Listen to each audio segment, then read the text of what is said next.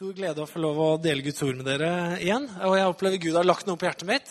Vi har jo en serie som går her, en, en lang serie som heter Gud og jeg. Og Forrige søndag så var det Gunnar som delte. Fantastisk bra å høre han, forresten. Jeg har aldri hørt han før. Jeg har hørt han snakke, men ikke å preke. Og Han snakka om Gud og oss som fellesskap. Og når, når, vi var sammen, vi som skulle dele litt rundt det temaet her, så var det litt ulike hovedbolker vi skulle ha under det temaet her. Og Noe av det handla om Gud og jeg i forhold til det å være kirke. Og, og noe av det handla om at vi ønska å snakke om vårt personlige forhold til Gud. Og jeg sa med en gang jeg kjente på mitt hjerte, så lå det her å snakke om Gud og jeg. Det personlige forholdet til Gud. Og det gjorde jeg her for tre uker siden. Og jeg skal gjøre det også i dag. Eh, og undertittelen min i dag det er 'Å gjenkjenne Gud i livet'. Fordi det er jo sånn at vi mennesker vi har en litt sånn begrensa evne mange ganger til å gjenkjenne ting og til å se ting.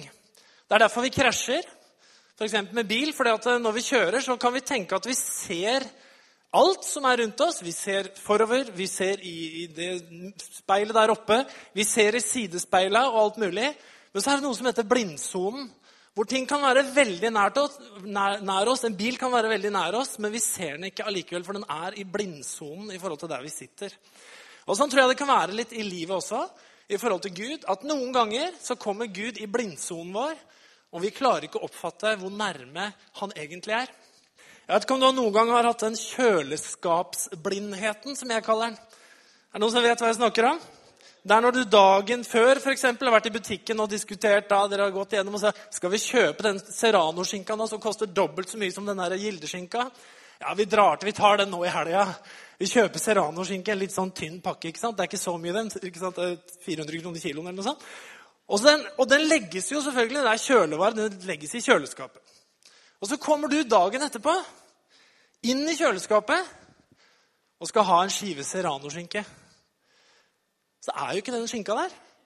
Den er jo borte.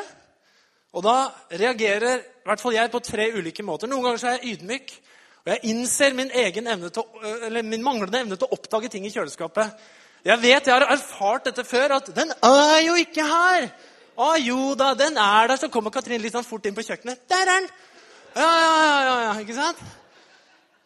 Og så, så, da roper jeg noen ganger 'Katrin, den der serranoskinka vi kjøpte i går, jeg finner den ikke.' Er det bare sånn at jeg ikke ser den, eller? Ja, ja, ja, ja, den ligger jo der, og så finner han. Og så er det andre ganger, da. Da tenker jeg styggere tanker. Da tenker jeg at noen har spist opp hele pakka uten at jeg har fått smake. Og da kanskje jeg er litt, litt sånn rask og irritert. Ja, den der serranoskinka, har dere spist opp den, eller? Roper jeg sånn generelt ut i huset. ikke sant? Nei, nei, nei, den er ikke åpna, den. Jo, den er jo ikke her. Det er noen som har spist den opp. Ja, Den ligger Og så finner hun, da. Har du vært borti det? Ja. Og det er litt sånn noen ganger at Enkelte ganger i livet kan ting Det er rett foran nesa vår, men vi ser det allikevel ikke. Noen ganger så finner vi ting som vi har hatt lenge, veldig nær oss, uten at vi var klar over vi hadde. Vi hadde et, et rom i kjelleren noen som har det, et rom i kjelleren hvor du la inn den posen med klær som du skulle bare legge inn der litt, og skulle ta den fram igjen. Det var bare sånn midlertidig. Vi hadde det i kjelleren, og så pussa vi opp i høst. Og Da hadde vi et klesskap ned hvor jeg hadde bare lagt inn en pose en gang. som skulle tas ut igjen veldig fort. Den hadde blitt liggende der noen år. da.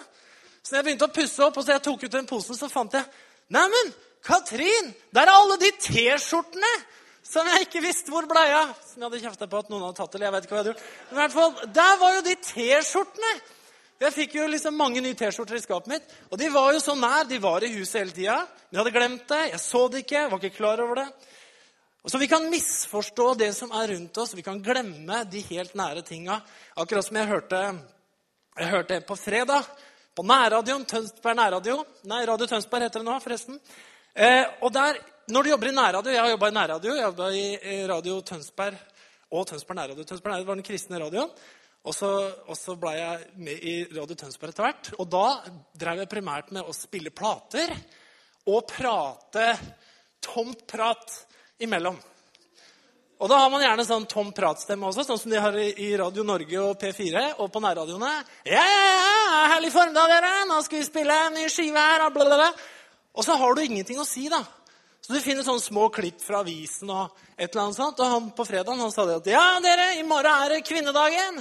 Og da er det dagen hvor vi skal vise damene at vi setter pris på dem. Så det er kanskje på tide å kjøpe noen blomster og greier. Og så introduserte han en låt med Love, ikke sant? Og så tenkte jeg Nå blander du Valentine's Day og, og kvinnedagen. Du kommer ikke til en feminist med blomster på kvinnedagen, så jeg er så glad i det. Ikke sant? Da er det plakater. ikke sant? Da er det ut i gatene og protestere mot menn. holdt jeg på å si. Det er ikke det det handler om. Kvinnedagen har vært i 100 år, og det handler om kvinners rett til å få stemme. Ikke sant? Stemmerett det handler om rett til utdannelse, det handler om rett til lik lønn, lik lønn for likt arbeid. Masse bra ting, og en del ting som har vært litt forskjellig, men mye bra. Men saken er at han ja, ja, i morgen dere, er det på tide å kjøpe blomster til dama. Det er kvinnedag, vi skal vise dem at vi setter pris på dem. Jeg tenkte det, Du har misforstått hva det her handler om. Det handler om noe helt annet, egentlig. Jeg tror det er sånn i forholdet vårt med Gud at vi kan misforstå og vi kan gå glipp av hva det egentlig handler om, mange ganger. Jeg skal lese en tekst Eh, dagens tekst, og den er fra Lukas 24. Og den handler om to menn som var ute og gikk. De var på vei til en by som het Emmaus, og det står i Lukas 24, eh, 13-24. Samme dag var to disipler på vei til en landsby som heter Emmaus, 60 stadier fra Jerusalem. Det er ca. 11 km fra Jerusalem. Og de snakket sammen om alt det som var skjedd.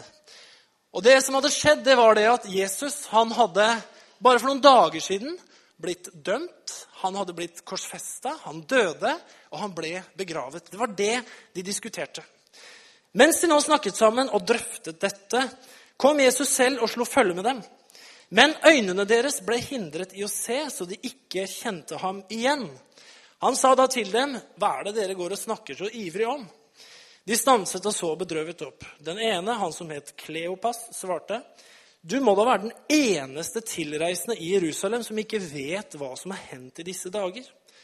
'Hva da?' spurte han. 'Jo, det med Jesus fra Nasaret', svarte de. 'Han var en profet, mektig i ord og gjerning for Gud og hele folket.' Men våre øversteprester og rådsherrer utleverte ham og fikk ham dømt til døden og korsfestet ham. Og vi som hadde håpet at det var han som skulle befri Israel. Dessuten, i dag er det alt tredje dagen siden dette hendte. Og nå har også noen kvinner blant oss gjort oss forvirret. De gikk ut til graven tidlig i dag morges, men de fant ikke kroppen hans. De kom tilbake og fortalte at de hadde sett et syn av engler som sa at han lever. Noen av våre gikk da til graven og fant det slik som kvinnen hadde sagt. Men ham selv så de ikke. Eh, dersom du er kristen, så har du sannsynligvis eh, et eller annet punkt eller, eller annet, en eller annen opplevelse eller en eller annen periode i livet som du kan se tilbake på, hvor du sier det var da jeg fant troen. Det var da jeg ble bevisst min egen tro på Gud. Det var da jeg tok et standpunkt. Eh, det kan være en periode hvor du opplever at, at Gud hvor Jesus ble veldig synlig for deg. Han var veldig åpenbar for deg, og du tok valget, og du fant troen på Gud. For noen kan ha vært på en sommerleir. For noen kan ha skjedd i løpet av kanskje konfirmasjonstida. For andre kan ha skjedd på et kristent møte, på en konferanse, en kampanje. Det kan ha vært i løpet av en spesiell tid du har hatt i livet ditt. Kanskje du gikk gjennom en prosess, kanskje det har vært en krisetid. Noe som du kan peke på hvor du sier 'Den gangen så starta det. Den gangen ble Gud synlig for meg, og jeg tok et valg på å være en kristen. Et område, en tid av livet ditt hvor du kjente Guds nærvær. Men så er det sånn at livet det er veldig dynamisk. Livet endrer seg hele tiden. Og ting som vi hadde, de er kanskje ikke mer. Og ting som vi har, kommer ikke til å være sånn i framtida som de er akkurat nå. Og ting som du kommer til å få lenger framme, er ting du ikke opplever i dag. Sånn er det hele tida at livet endrer seg. Derfor kan vi finne ting, vi kan miste ting, vi kan oppdage ting, og vi kan miste det av syne igjen. Og jeg tror også, ut fra litt av historiene vi skal dele her i dag, at sånn er det også det kan være i vår relasjon med Gud. Det kan være perioder i livet hvor Gud er veldig synlig for oss. Det er liksom ingen tvil om at du har nærkontakt med Gud. Det er ingen tvil om at han er nær i ditt liv osv. Og, så kan det være tider hvor du opplever at han på en måte er litt borte. Nærkontakten med Gud den er ikke der sånn som du syns den var. Disse to disiplene de er på vei til Emmaus. Og livet deres hadde akkurat tatt en dramatisk vending. Disse disiplene var nok ikke blant de tolv som var aller nærmest. Men de var disipler av Jesus. Det betyr at de hadde levd ganske nær Jesus. De hadde vært rundt Jesus, de hadde sett hva han gjorde, de hadde hørt hva han talte om, og de hadde fått forhåpninger, og livet deres det var virkelig festa ved å følge etter ham. Jesu nærvær det var sterkt og tydelig i livet deres bare for noen dager siden. Men nå var plutselig alt endra. Han som de hadde trodd skulle bli Israels befrier For at Israel var underlagt Romerriket. De var okkupert av italienere som hadde et helt annet styresett osv. For jødene så var det jo den store profetiske drømmen. Det var Messias som skulle komme. Han skulle befri dem, og han skulle gjøre jødene til et mektig folk. Og Det var praten som gikk rundt blant disiplene. De spurte Jesus også de nærmeste. Jesus, når kommer tida da du skal gjenopprette riket for Israel? Så de så på Jesus som en befrier. En nasjonalhelt, en konge, en som skulle kaste av det romerske åket. Og ikke bare det, men han var Guds sønn. Han gjorde mirakler. Og de tenkte denne mannen skal vi følge. Så blir det en rettssak. En urettferdig rettssak. Og Jesus blir drept. Han dør, han blir lagt i en grav. Og i det øyeblikket så er det for mange av disiplene at det er som om alt håp liksom bare forsvinner. Alt det de har bygd livet sitt på, alt de har trodd på, alt de har retta framtida si inn mot, det blir borte når Jesus dør. Og disse to mennene de er på vei bort fra Jerusalem. De er på vei til Emmaus. Emmaus er en, et ubetydelig sted. Det er ikke noe store løfter rundt Emmaus. Det er tydelig at De er ikke på vei til noen ting. De bare skal til Emmaus. Det er tydelig senere i historien. De skal til noen venner, og de skal spise. og de, de er på en måte kanskje litt på måfå i livet sitt. Jesus var borte for dem. I den situasjonen her, når de tror han er borte, så kommer Jesus til dem. Han kommer opp i blindsona deres. Han er en fremmed som plutselig slår følge med dem og spør hva er det dere går og prater om? Hva er det dere er opptatt av? Og Når de begynner å snakke med Jesus, er det tydelig at for dem så var Jesus allerede historie. For dem så var Jesus allerede noe som hadde vært, og som ikke var lenger. For de spør jeg har ikke hørt hva som har skjedd. Du er den eneste som ikke har hørt hva som har skjedd. Og så sier de jo, men Jesus du vet, han, han er jo død, og vi trodde at han skulle befri Israel. Han var en profet. Jesus hadde blitt til en som var, ikke en som er lenger. Han var en profet, mektig ord og gjerning for Gud og hele folket. Men øverstepresten og rådsherrene utleverte ham. Fikk han dømt til døden, og de korsfesta ham, svarer de. Og vi som hadde håpet at det var han som skulle befri Israel. Jesus blir historien som var, og ikke som lenger var aktuelt i livet deres. Det andre står at de var, de var forvirra. Vi er forvirra, sier de. Fordi For det første så hadde vi mange håp. Vi hadde masse tro. Jesus hadde sagt mange fantastiske ting til oss, til livet vårt og framtida vår, som vi, som vi tufta livet vårt på. Og så plutselig er den borte. Det er det ene. Det andre er at vi er forvirra fordi det er noen damer Nå har det gått tre dager som har gått opp til grava hans. Steinen er borte, og de fant ikke kroppen til Jesus. Og vi er kjempeforvirra på hva som har skjedd. Altså, og vi har vært der og sett det sjøl. Er det noen som har stjålet kroppen hans? Hva er det som har skjedd? Og så videre. De var forvirra. Hva skal vi tro? Er det han ga oss, fortsatt noe å satse på? Lever han fortsatt? Er han død? Har noen stjålet den? Og så videre. Og den situasjonen her, å være opprømt, være forvirra, være usikker rundt framtida, så kommer han som er kjernen til hele liksom, forvirringa deres. Han kommer og begynner å gå sammen med dem uten at de er klar over det. Det fins flere sånne historier i Bibelen hvor mennesker som er nær Guds eh, nærvær, ikke oppfatter at det er Gud. Det fins en historie til som jeg ikke skal si mye om, bare som, men bare som et eksempel. I 1. Samuel så det, møter vi historien om en kvinne som heter Hanna. Hun er en tjenestepike. Hun er gift med en mann som heter Elkana. Og han, Elkana han har to eh, koner. Penina og Hanna. Penina har fått mange barn med Elkana. Hanna har ikke fått noen barn. Og det står at Penina hun driver stadig og eh, håner Hanna for at hun er barnløs. Og Hanna bærer på en stor sorg i livet sitt. Det kan man forstå. Ikke bare er hun barnløs, men hun blir håna for det også av, av medkona. Og sikkert masse sjalusi og greier. Og hun begynner å be til Gud og sier, 'Gud, om du bare gir meg en sønn, så skal jeg love deg å gi bort den gutten til deg, til tjeneste for deg.' Så går det en tid, og Hanna hun blir gravid. Hun får sønnen som heter Samuel. Og Hun tar han selvfølgelig til seg. Han blir dia, han blir passa på som en babyskall. Men med en gang han er ferdig å die, så går Hanna til tempelet, til presten der som heter Eli, og sier her har du gutten min. Han skal bo her i tempelet, og han skal tjene Gud. Og Samuel han vokser opp i tempelet, og han er med på gudstjenesten. Han er med i tempelet der hvor liksom Gud er i den gamle pakt, og han tjener Gud. Så kommer det til en situasjon som er litt interessant. I 1. Samuel 3, eh, vers 1-10. Jeg skal bare lese de versene her også. Gutten Samuel han gjorde noe tjeneste for Herren under Elis tilsyn. I de dager var det sjelden ord fra Herren, og av syner var det få. Så var det en gang Eli lå og sov på den faste plassen sin. Øynene hans var så svake at han ikke kunne se. altså Eli er den gamle presten. Guds lampe var ennå ikke sluknet, og Samuel lå i Herrens tempel, der Guds paktkiste sto. Da, herren, da ropte Herren på Samuel. Han sa, 'Her er jeg!' og løp inn til Eli og sa, 'Her er jeg, du ropte på meg.' Men Eli sa, 'Nei, jeg ropte ikke på deg. Gå og legg deg igjen.' Så gikk han og la seg. Da ropte Herren en gang til, 'Samuel.' Samuel så opp og gikk inn til Eli. 'Her er jeg', sa han. 'Du ropte på meg.' Men Eli svarte, 'Nei, jeg ropte ikke, min sønn. Gå tilbake og legg deg.' Samuel kjente ennå ikke Herren, for Herrens ord var ennå ikke blitt åpenbart for ham. Så ropte Herren tredje gang på Samuel. Han sto opp, gikk inn til Eli og sa, 'Her er jeg', sa han. 'Du ropte på meg.'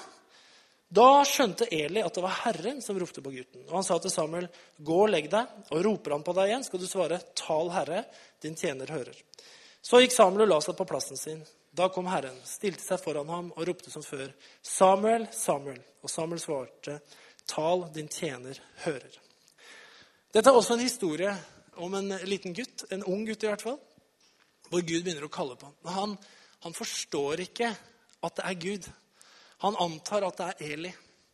Igjen og igjen så misforstår hans Guds kall til ham. Han misforstår Guds stemme. Det må være Eli. det må være Eli. Til slutt så skjønner han det ikke sjøl engang. Det er Eli som forstår det. Det er Gud som driver og kaller på deg. Gud kommer opp i blindsona di på en måte som du ikke har venta i det hele tatt. Og han prøver å få kontakt med deg. Han må ha hjelp til å si, 'Herre, ok, her er jeg. Tal.' Og så taler Gud. Og Samuel han ble en mektig mann for Gud videre i livet. Det å gjenkjenne Gud i livet Vi bruker noen vendinger noen ganger, vi kristne. Og det er helt ok. Vi spør noen ganger Går du med Gud? Eller som de gamle sa, vandrer du med Herren? Går du med Gud? Noen ganger så blir vi stilt spørsmål av andre, og noen ganger så stiller vi spørsmålet til oss selv. Går jeg med Gud? Og ofte når vi stiller spørsmålet, så ligger det eh, noen forventninger under. Det ligger kanskje en liten mal på hvordan ting bør se ut hvis vi går med Gud. Og så kan vi spørre oss er det egentlig vi som går med Gud, eller er det Gud som går med oss? I tilfellet med Emmaus-vandrerne så gikk Gud med disse mennene. Uten at de var klar over det, så gikk de med Gud. Så vi kunne godt sagt ja, Emmaus-vandrerne gikk med Gud. Ja, Men visste de det sjøl? Nei, de visste det ikke sjøl. Men de gikk med Gud. De vandra sammen med Gud. Vi kan sannsynligvis si begge deler. Bibelen snakker om begge deler. Absolutt At man skal gå med Gud, man kan vandre med Herren. Og det fins folk som har vitnesbyrd om det. Og andre ganger så tror jeg det Når vi ikke opplever kanskje at vi går med Gud, så går Gud med oss. Han kommer opp på sida av oss, og så går han sammen med oss. Når vi sier at 'jeg går med Gud', eller 'han' eller 'hun' de går med Gud, så refererer vi gjerne til at vi opplever å være på sporet. Ikke sant? Han går, Og når vi sier 'han går virkelig med Gud' Det har du også hørt sikkert. Du har de som går med Gud, og så har de som virkelig går med Gud. Eh, og, Jeg vet ikke om det går overfor det. Tenk, går du sammen med kona di? Eller går du virkelig sammen med kona di? liksom? Altså, ja. Jeg tenker, Går man sammen, så går man sammen. Eh, men ofte når vi virkelig går sammen med Gud, som vi sier, da er det ofte fordi folk ser at vi gjør de rette tinga. Ikke sant? Vi vet hvem vi er. Vi vet hvor vi er på vei. Vi vet vårt kall. Vi gjør de riktige valga. Vi har vårt andagsliv som fungerer. Vi går med Gud, og alle ser det. Det er så synlig. Jeg har jo vært pastor, da. For de som ikke vet det, jeg har vært pastor en gang. Og da var det sånn Da, tenker, da kan folk litt tenke han går, han går virkelig med Gud, altså. Og så er jeg ikke pastor lenger. Og det er noen som Ja, hva gjør du, hva gjør du nå? Går du med Gud, liksom? Nei, går, du går, går, du virkelig med Gud fortsatt, liksom? Så sånn, Å ja, du preker fortsatt? Ja, du gjør det, ja. Så fint.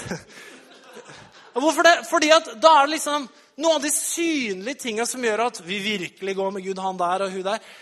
Når ikke det er så synlig for oss sjøl eller synlig for andre, så blir det veldig lett Hvordan er det her? Men vet du hva? Gud går sammen med oss. Gud går også sammen med oss. Er ikke det bra å vite? Jeg er glad for at det står at hyrden finner sauen. Og sauen finner ikke alltid hyrden, hvis det er sånn. Men vi har en hang til å tenke, vi mennesker, at om vi bare fortsetter å gjøre det samme som vi gjorde i går, eller gjøre det andre forteller oss at vi skal gjøre for å ha en nær relasjon til Gud, ja, da har vi den, liksom. Da har vi Gud. Da går vi med Gud. Vi går med Gud. Men jeg, har funnet ut gjennom livet Jeg har lyst til å snakke litt til deg. Kanskje du er her i formiddag som ikke kan si jeg ser Jesus kjempeklart i livet mitt akkurat nå. Kanskje du er et sted i livet ditt hvor du kan si jeg vet ikke helt hvor jeg har Gud. Jeg, jeg vet ikke egentlig om jeg har kontakt med Gud engang. La meg snakke litt til deg. Fordi sånn var det med Emmausvandrerne. De opplevde helt konkret vi har mista Jesus. Vi har mista kontakten med Jesus. Han har blitt totalt borte for oss. Han er, han er død. Og alt det vi satsa livet på, forsvant med ham. Emmausvandrerne var kanskje på vei bort fra Jesus-etterfølgelse til noe annet. Men Jesus var ikke på vei bort fra dem. Han var på vei til dem. For dem så var Jesus en som hadde vært en profet. Men Jesus han var fortsatt profeten.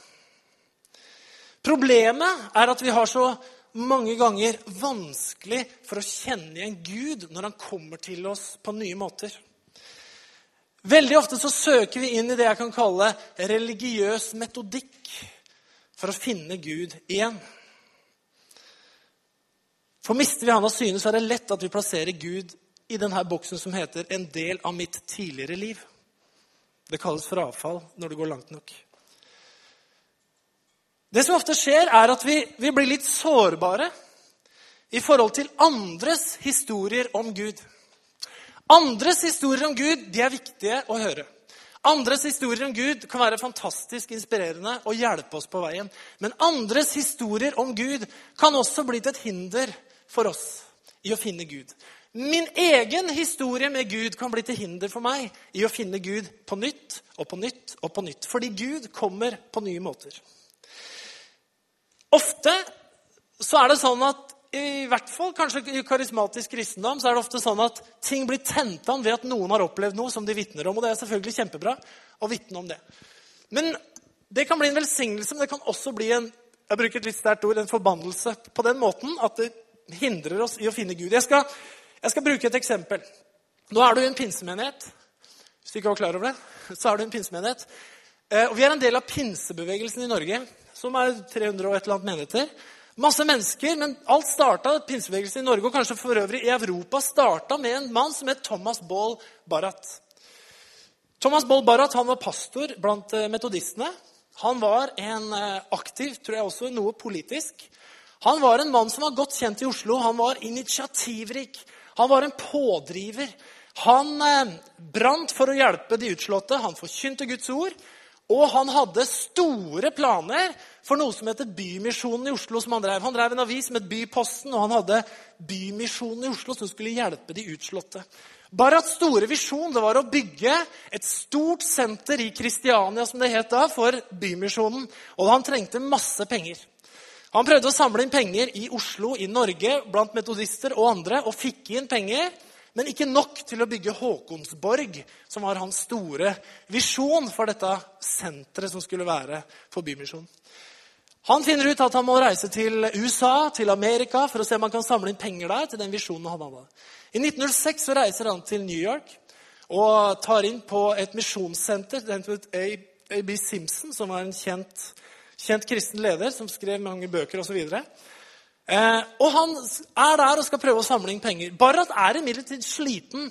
Han har mislykkes i pengeinnsamlinga si. Og pengeinnsamlinga i New York, USA, den går også ordentlig tregt. Så Barrat er en ambisiøs mann. Han har planer, men han står på kanten av stupet i forhold til å lykkes med å få de planene realisert. Han er desperat på mange måter. Når han er i New York, så kommer han over et blad der han bor, som handler om den store åndsutytelsen og vekkelsen som har skjedd i Los Angeles i 1905. Hvor folk har opplevd dåpen i Den hellige ånd og ild og voldsomme ting som har skjedd. Og han begynner å lese. Og han får en inderlig brann etter å oppleve det her selv. Han må også få tak i dåpen i Den hellige Han må også bli fylt av denne kraften. Og han trenger det. vet du. Han er i en livssituasjon hvor han trenger noe nytt fra Gud. Han eh, kan ikke reise til Los Angeles. Det har han ikke råd til. Men han skriver brev til noen av de som er ledere der borte, at han ønsker å få vite mer om det her. Han får et brev tilbake hvor det står et kort budskap, blant annet, i hvert fall, som forandrer livet hans totalt. Det står Full selvovergivelse til Gud er nødvendig. Du må overgi hele ditt liv og alle dine planer til Gud. Barat sier selv at han ofret sine kristelige ambisjoner og drømmer for å få tak i kraften fra Den hellige ånd. Og For Barat så var ikke det det var ikke liksom noe sånn småtteri som han hadde sittet på gutterommet og tenkt litt på. Han holdt på med store prosjekter. Han hadde involvert masse mennesker. Han hadde samla inn mange penger. Håkonsborg liksom, det var på bordet. altså Det her skulle bygges i Oslo. Så klart For han så var det et prestisjenederlag. Det var et nederlag i forhold til innsamla midler. Det var, et, det et nederlag i forhold til prosjektene hans og hans på en måte legitimitet som en som kunne drive ting igjennom. Så for det brevet her det betydde du må legge ned alle dine egne ambisjoner og kristelige planer. Som var en livssituasjon som var litt annerledes enn vi kanskje tenker på.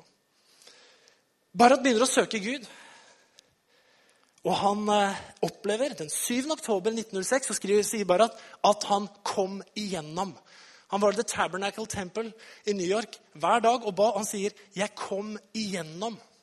Han opplever at han ble fylt med en kraft og blir rensa på innsida. Men han hadde ikke fått tungetalen ennå. Så han fortsetter å søke, og den 15. november 1906 så sier han at han mottar dåpen i Den hellige ånd med ild og tungetale. Han skriver sånn her.: Jeg var lik Daniel aldeles hjelpeløs under en guddommelig berøring og måtte støtte meg til et bord på plattformen, hvor jeg satt og gled ned og så ned på gulvet. Atter begynte mine taleorganer å bevege seg, men ingen lyd hørtes. Jeg ba en bror, en nordmann, som ofte hadde hørt meg preke Kristiania, og legens hustru, å be for meg enda en gang. Forsøk å tale, sa nordmannen. Men jeg svarte at hvis Herren ville tale gjennom et menneskelig vesen, da måtte han drive meg til det med sin ånd. Det skulle ikke være noe humbug i denne sak. Mens jeg ba, så de en ildkrone over mitt hode og en kløvet tunge som har ild foran kronen. Det var mange som så dette overnaturlig sterke, røde lyset. Og jeg så det selvfølgelig ikke, men i samme øyeblikk ble hele mitt vesen fylt med lys, med en ubeskrivelig kraft, og jeg begynte nå å tale et fremmed språk av all min makt. Og Han forteller at han holdt på med det til klokka fire på morgenen, å tale i tunger av all sin kraft. Så det var jo en voldsom opplevelse som bare han fikk. Han ble døpt i Den hellige ånd på en voldsom måte. Han hadde søkt lenge, han hadde vært desperat og har en skjellsettende opplevelse som preger resten av livet hans. Han reiser hjem til Norge, han reiser hjem til Kristiania og begynner å holde møter hvor han forteller hva han har opplevd. Og hans vitnesbyrd tente en lengsel i mange mennesker som fikk oppleve dåpen i Den hellige ånd. Og det er jo fantastisk bra. Etter sitt eget utsagn var Barrat den første i New York som fikk oppleve åndsdåpen sånn som i Los Angeles.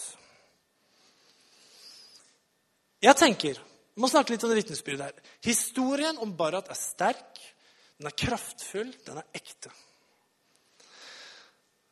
Men det er en historie som kommer ut som en kombinasjon fra Barats personlige lengsler, hans desperate livssituasjon, hans fare for å mislykkes ganske kraftig i sitt store prosjekt. Og det som skjer, er at Barats opplevelse når det gjelder åndens dåp, det blir malen for alle pinsevenner når bevegelsen tar fart. Og Som en frukt av det så er det mange ting som ble født fra, som kunne være bra, men som for noen ble et hinder for å finne Gud. For å sette på spissen.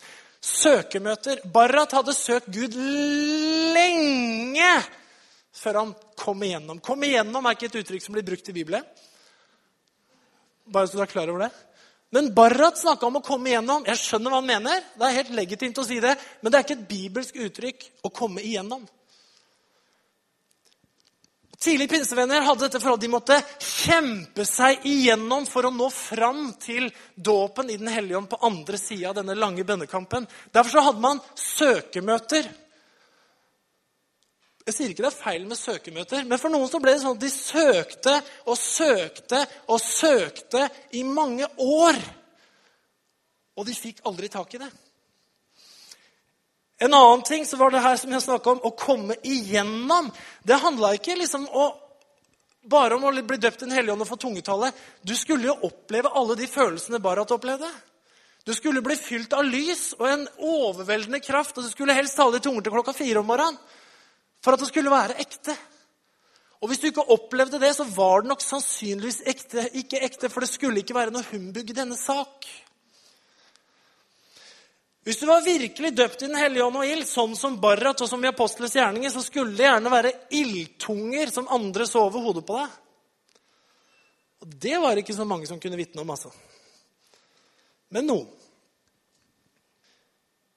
Man skulle ikke bare begynne å starte i tunger, sånn som han der nordmann som sto ved siden av Barat. Begynn å tale. Nei, nei, nei. Herren må overmanne meg totalt, mine taleorganer totalt. Sånn at eh, jeg ikke kan holde igjen. Og Barat får en voldsom opplevelse. For mange så var Barats historie en fantastisk åpning til en erfaring med Den hellige ånd. Men for mange gamle pinsevenner skal jeg fortelle dere, jeg kjente mange av dem. De er borte nå så ble det et hinder. Jeg hadde en bestefar som var eh, en brennende kristen. Virkelig en brennende kristen. Og når han ba, så Ja, da kjente du at Gud var der, altså. Men han hadde én stor sorg i livet. Sorg. Jo, litt sorg. Og det var sånn Jeg har aldri fått dåpen i Den hellige ånd. Og jeg husker når jeg ble eldre, så tenkte jeg at jeg tror du er døpt i Den hellige ånd. Bare ikke begynt å tale i tunger. Og han var, han var leder, menighetsleder. Og det ble kritisert fra plattformene i pinsemenigheter som sa det fins til og med eldste iblant i vår bevegelse som ikke er døpt i Den hellige ånd og taler i tunger. Da var du diskvalifisert da, for å gjøre noe for Gud, egentlig. Jeg vet ikke hvordan det var på 1800-tallet, altså hva de gjorde, de som leda menigheter. Men i hvert fall så var det Der sitter du jo da, ikke sant, som menighetsleder og hører det. Og det var noe med at han var så oppdratt i at måten du skulle få denne opplevelsen på, denne erfaringen av Den hellige ånd, det var sånn som Barrat. Det var sånn det måtte være, sånn som Barrat, hvis det skulle være ekte. Skjønner du hva jeg mener? Vi kan gå inn i en religiøs metodikk hvor vi ser på noen maler, hvor vi ser på noen eksempler. Og så istedenfor å bli velsignelse for oss enkelte ganger, så blir det til litt hinder for oss. For vi låser oss, og så kommer Gud fra en helt annen kant. Han kommer opp i blindsona vår, og så går han sammen med oss uten at vi veit om det. Jeg tenker at Fornyelsesbevegelser de har både sine styrker og svakheter. Styrken er at vi, vi får noe fra Gud, vi vitner om det, vi gir det videre. Og det er veldig bra. Svakheten er at altfor ofte så kan vi tolke våre egne opplevelser inn i andre menneskers liv. Eller andre menneskers liv tolker sine opplevelser inn i våre liv. Og så gjør det at vi ikke finner Gud. Hvor er han egentlig? Det som er saken når jeg sier det her med å finne Gud i livet, det er noe med det at Barrat hadde et liv. Han var ikke bare liksom tilfeldigvis ute og rusla en tur. Altså, Han var i en livssituasjon hvor han trengte å møte Gud på en spesiell måte for å komme videre. Og jeg tror det er akkurat det her at vi må skjønne at Gud vil møte oss i livet der hvor vi er. Det handler ikke om at du og jeg må konstruere et liv som skal ligne på Barat sitt liv. Det handler om at der hvor du er, der ønsker Gud å møte deg. Akkurat som Emmaus-vandrerne. Der hvor de var da. De var desillusjonerte, de var forvirra. Jesus var borte for dem. Der møter Jesus dem, akkurat der hvor de er i livet.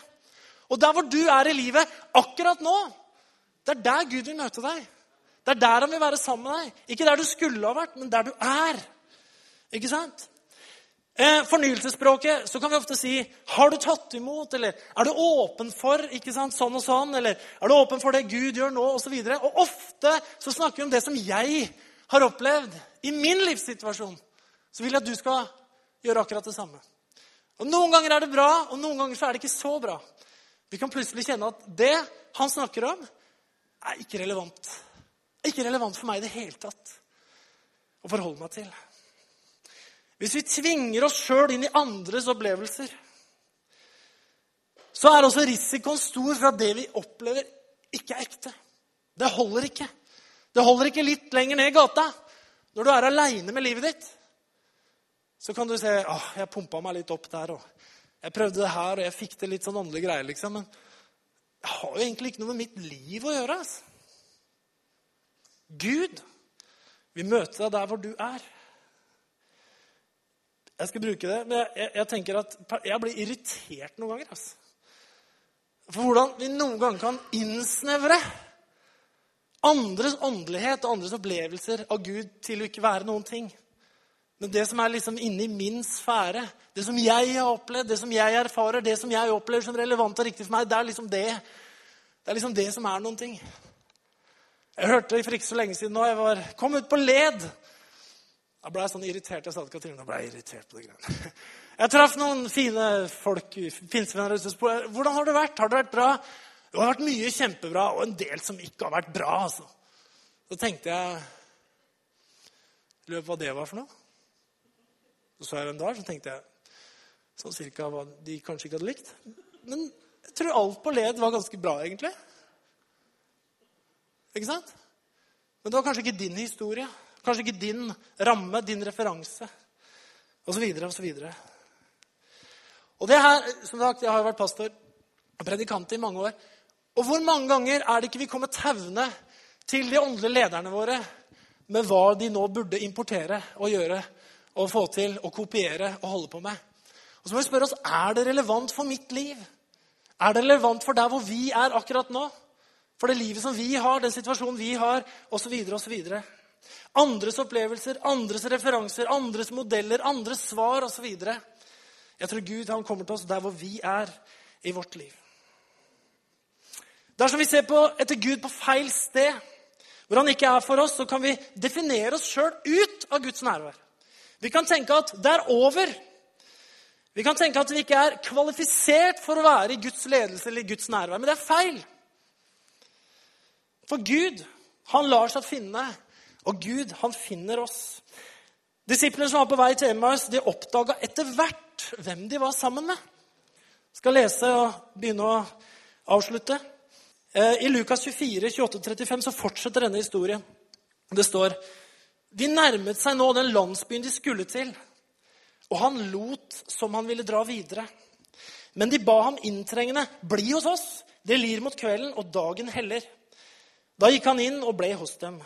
Og mens han satt til bords med dem, tok han brødet, ba takkebønnen, brøt det og ga dem. Da ble deres øyne åpnet, og de kjente han igjen. Men han ble usynlig for dem. De sa til hverandre, 'Brant ikke i hjertene?' da han talte til oss på veien og åpnet Skriftene for oss. Og de brøt opp med en gang og vendte tilbake i Jerusalem. De fant alle de elleve og vennene deres samlet, og disse sa, 'Herren er virkelig stått opp fra de døde. Han har vist seg for Simon, og så fortalte de to om det som hadde hendt på veien, og hvordan de hadde kjent ham igjen da han brøt brødet. Det som er, er at når de var på vei, Og så kommer denne mannen opp og begynner å prate med dem. De kjenner han ikke, de vet han ikke hvem han er. Så blir de veldig engasjert. Denne mannen fenger oss. Han fører samtale på en måte som griper tak i hjertene våre. Hvis de hadde visst at det var Jesus, så tror jeg de hadde oppført seg annerledes. Jeg tror ikke de hadde prata så fritt. Jeg tror ikke de hadde, Det hadde ikke vært nødvendig, i og for seg, men det, de delte frustrasjonene sine. De var veldig ærlige. Vi er forvirra, vi er nedslått, han var borte.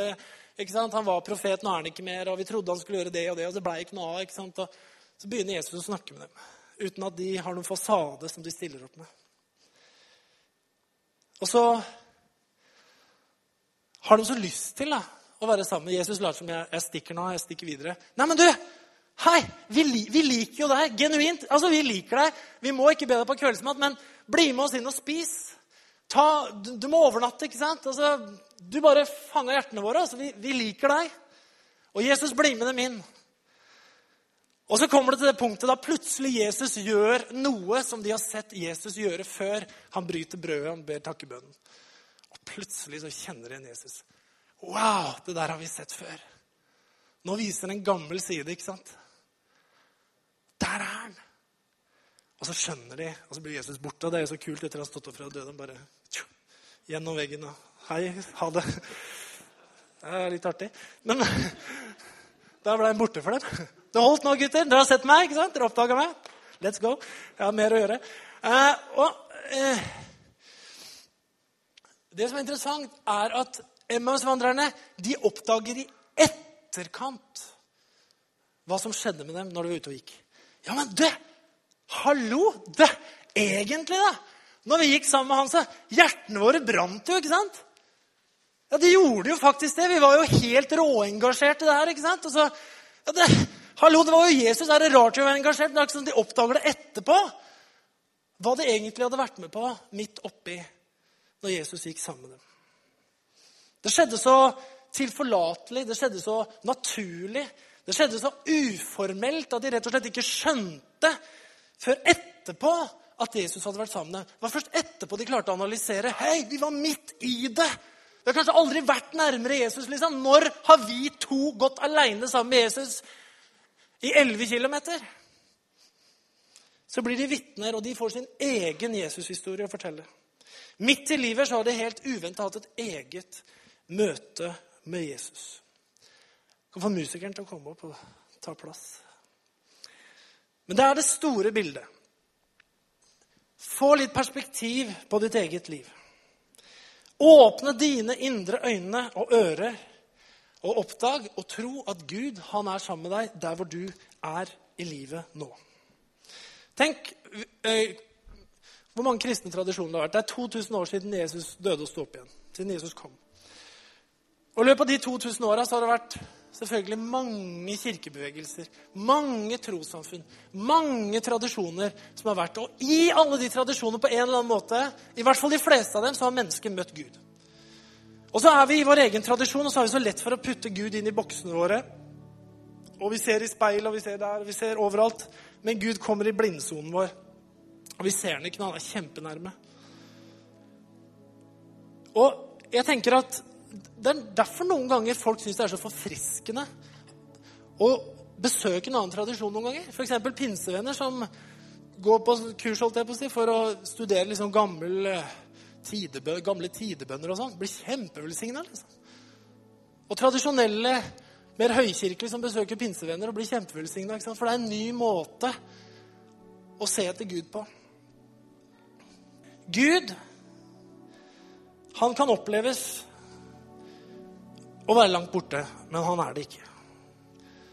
Det kan være at du prøver å sette både deg sjøl og Gud inn i feil mal. Gud er med deg. Jesus er ikke historien som var, men det er historien som er. Jeg har lyst til at vi skal ta og reise oss. Og så skal vi stå lite grann. Og så skal vi be ikke sammen høyt, men vi skal be hver for oss. Og kikke, snu huet vårt i blindsona og begynne å takke Gud litt. For at han er nær oss akkurat nå. Det handler kanskje ikke om at du kan svare ja, jeg går virkelig med Gud om dagen. Men du kan være helt sikker på at Gud går sammen med deg. Så Herre, vi takker deg. Vi takker deg, himmelske Far, for at du er nær. Du er nær oss, Herre. Takk, Far i himmelen, for at du er hos oss ved troen i våre hjerter. Takk, Herre, at du ikke forlater oss, men du går sammen med oss, Herre. Og Jeg takker deg, Jesus, for at du hjelper oss nå ved Den hellige ånd å oppdage deg i livet vårt der hvor vi er nå. Kanskje du er i en livssituasjon hvor du diskvalifiserer deg fra å være Guds nærvær. Kanskje du er i en livssituasjon som er kjempevanskelig. Kanskje du har gjort valg som du angrer på. Kanskje du er på et sted i livet hvor du tenker nå har jeg gått en rute, jeg har gjort ting som gjør at Gud sannsynligvis holder seg unna. Jeg er skuffa, jeg er forvirra. Framtida mi, den har, står i stå. Så er det sånn at Gud, han, han vil si til deg at han er hos deg nå. I livet, der hvor du er i livet nå, så må du oppdage Gud. Du må oppdage Gud i livet ditt, der hvor du er nå. Kanskje du er her som har prøvd, og kanskje du har gjort det, og prøvd på en måte å gå inn i andres opplevelser for å bli møtt av den tørsten du har på innsida. For å fylle den trangen som du har etter Gud på innsida. Du har hørt gode ting, bra ting, ekte ting. Så går du liksom en annens vei, andre menneskers vei. Så finner du ikke fram. og Kanskje du er litt skuffa. Kanskje du er åndelig desillusjonert. Hvorfor får ikke jeg oppleve det ekte? Hvorfor blir ikke jeg fylt av den samme trangen? Hvorfor blir ikke jeg fylt av de samme lengslene som andre? Hvorfor, ikke, hvorfor kjenner ikke jeg brann etter de samme tinga som han eller hun kjenner brann etter? Så kan det være at du ser på helt feil sted. For Herren han sier, 'Fest et blikk på meg, jeg som er troens opphavsmann og fullender'. Han er troens opphavsmann og fullender. Fest et blikk på Herren. Begynn å takke Han isteden. Skal vi gjøre det? Bare stå og be litt. Vi ber sammen. Herre Jesus Kristus, vi priser deg. Vi kan feste blikket vårt på deg akkurat nå, Herre. Takk for at du er den som starta troen i våre liv. Takk for at du er den som elskes oss først. Og Derfor så kan vi elske deg etterpå, Herre. Takk for at du er den som begynner et godt verk i oss, Herre. Og takk for at du har sagt at du er mektig til å fullføre det. Jeg takker deg, Far i himmelen, at uansett hvor vi er i livet, vi som er her inne Noen opplever dager av suksess. Noen opplever dager av nederlag. Noen opplever dager av håp. Andre opplever dager av håpløshet. Men takk, Herre, at du har sagt at det du har starta, er du mektig til å fullføre. Og Herre, vi ønsker bare å invitere deg til å, til å gi oss åpne øyne, Herre, så vi kan se deg i våre liv, i vår livssituasjon akkurat nå, far. I Jesu mektige navn. Vi priser deg. Halleluja.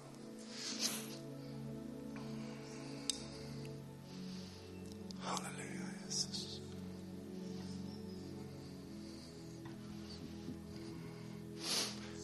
Kanskje du er her inne som aldri har tatt et sånn standpunkt, eller kommet til det punktet i livet som jeg snakka om i starten, hvor du sier at da ble troen levende for meg. Så levende at jeg visste det, at jeg, jeg trodde på Gud. Altså. Og da jeg ønska Da bestemte jeg meg for å bli en kristen. For å følge, følge troen. Hvis du er her, som er på et sånt punkt i dag hvor du kan si at nå er jeg der, nå ønsker jeg å bekjenne det for Gud, Gud og mennesker, så skal du få mulighet til det akkurat nå. Hvis alle lukker øynene bare lite grann, alle lukker øynene litt, grann, så spør jeg om du er her i formiddag som er i en sånn situasjon så vil si ja, min tro, den er moden. Jeg, er, jeg ønsker å følge Jesus. Jeg ønsker å være en kristen. Jeg ønsker å bekjenne min tro på Gud. Så kan du rekke opp hånda akkurat nå mens alle øynene er lukka.